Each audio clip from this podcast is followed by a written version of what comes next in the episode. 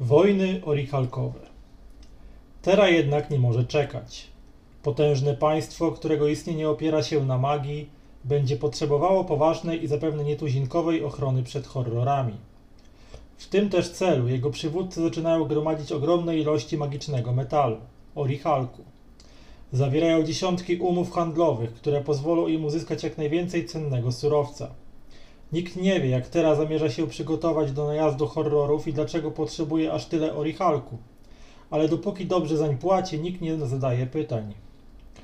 Być może nie wszyscy są tego świadomi. Wyjaśnił więc, iż orichalk pojawia się w naturze jako naturalna mieszanina pewnych minerałów, które muszą się połączyć w obecności esencji Ziemi.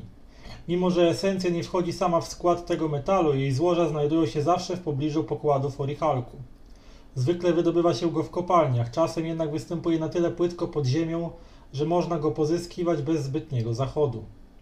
Handel orichalkiem przynosi spore korzyści materialne całemu światu.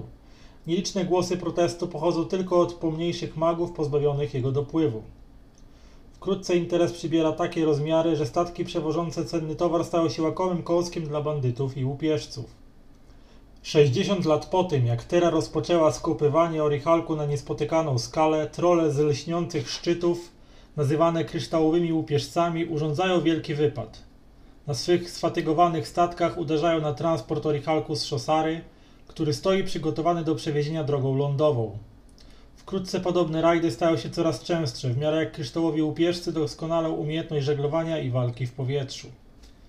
Władcy poszczególnych krain i państewek, zamiast sprzymierzyć się przeciwko piratom, traktują ich napaści jako sygnał do rozpoczęcia rozbojów na własną rękę. Ustrecht i Karafat równocześnie atakują Landis. Najazdy orkowych nomadów o mały włos nie doprowadzają do upadku Troalu. Elfy zamieszkujące Smoczą Puszczę staczają serię okrutnych bitew z krasnoludami ze Scyty i ich ludzkimi sprzymierzeńcami. Wojny trwają ponad 40 lat, podczas których narody błyskawicznie zrywają sojusze i zawiązują nowe.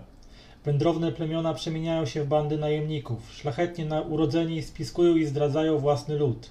Jedynie w Troalu i Szosarze prawowici władcy nie zostają obaleni.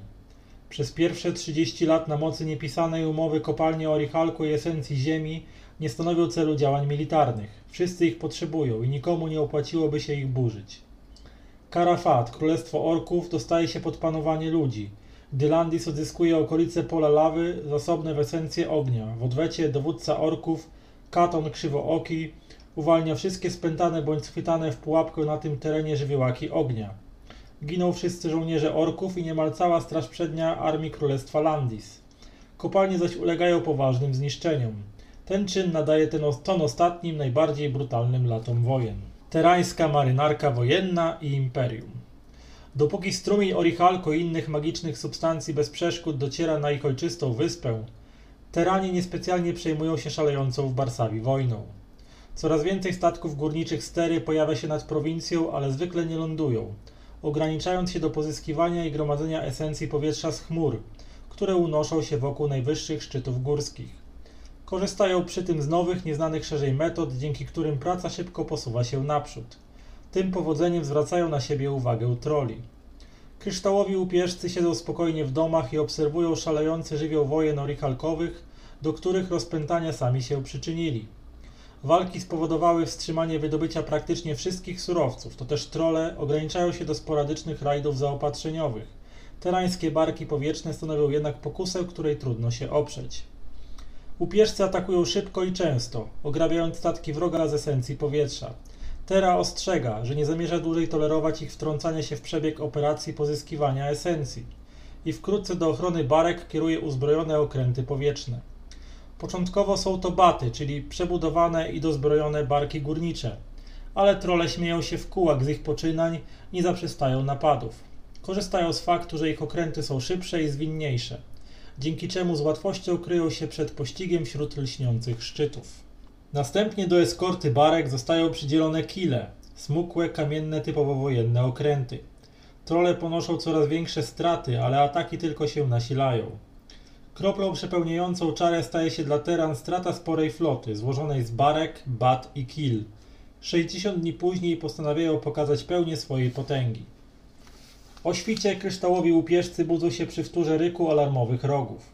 Na południowy wschód od lśniących szczytów, nad równiną w pobliżu Vivein, pojawił się statek powietrzny, którego ogrom przekracza wszelkie wyobrażenie.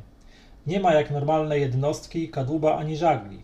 Przypomina raczej wielką, skalną ostrogę, która napędzana czystą magią zdaje się przeczyć prawom natury. Teranie nazywają tę piekielną machinę wojenną behemotem. Trole są wprawdzie oszołomione widokiem, ale błyskawicznie stawiają się na statkach i ruszają do ataku. Terański dowódca wysyła im na spotkanie magicznego posłańca z wiadomością, że jeśli się nie poddadzą, zostaną zgładzeni, ale dumni i uparci łupieżcy zabijają emisariusza. Kiedy zbliżają się do Behemota, spada na nich istna ulewa ognia. Kierowane magią machiny oblężnicze zainstalowane na kamiennym pokładzie okrętu miotają ku nim olbrzymie drewniane i metalowe strzały, pioruny magicznej energii, przyzwanej przez terańskich magów, niszczą statki, troli, które rozpierzchnąwszy się w obliczu potęgi wroga, natykają się na czekające w chmurach kile. Bitwa trwa. Mijają godziny, aż wreszcie Behemot dolatuje do skraju lśniących szczytów, gdzie zaprzestaje ostrzeliwanie z resztek floty łupieżców i kieruje całą siłę ognia przeciw ich domostwom.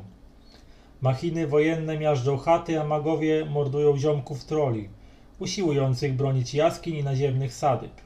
Wypuszczone z tereńskiego okrętu żywiołaki przełamują kolejne linie obrony. Na widok rzezi trole się poddają. Trafiają na kamienny statek, który zabiera ich na teren w kajdanach jako niewolników. Teranie palą ich okręty, ale nie zawracają sobie już głowy zgładzeniem ukrywających się wśród lśniących szczytów niedobitków. W tej walce, zwanej bitwą o powietrzną przystań, udowodnili, że nie można ich lekceważyć. Mając dość sytuacji, w której ich działalność handlowa zależy w znacznej mierze od zachcianek lokalnych możnowładców, dali w powietrznej przystani nauczkę wszystkim, którzy chcieli stanąć im na drodze. W sto dni później, w roku 443 według kalendarza Troalu, starszy Tery, człowiek imieniem Tom Edro, ogłasza powstanie Imperium Tyrańskiego.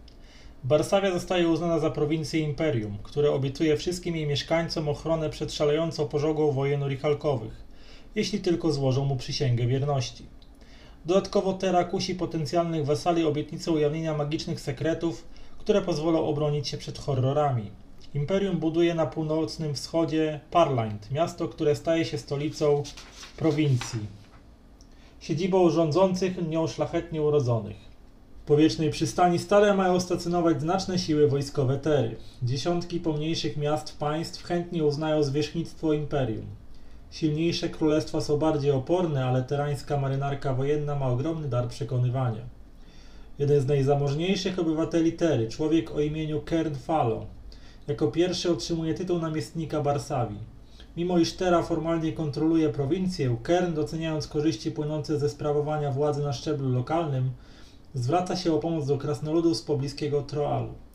Troll, który musiał ukorzyć się choć niechętnie przed Terą, ze względu na oferowane przez nią sposoby obrony przed horrorami, zgadza się pełnić rolę mediatora między Imperium a mieszkańcami Barsawi. Państwo krasnoludzkie staje się swoistym buforem, oddzielającym miejscowe rządy od terańskich władców.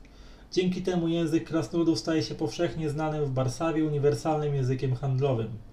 Po raz pierwszy w historii krainy mieszkańcy różnych jej regionów mogą się w miarę łatwo porozumiewać.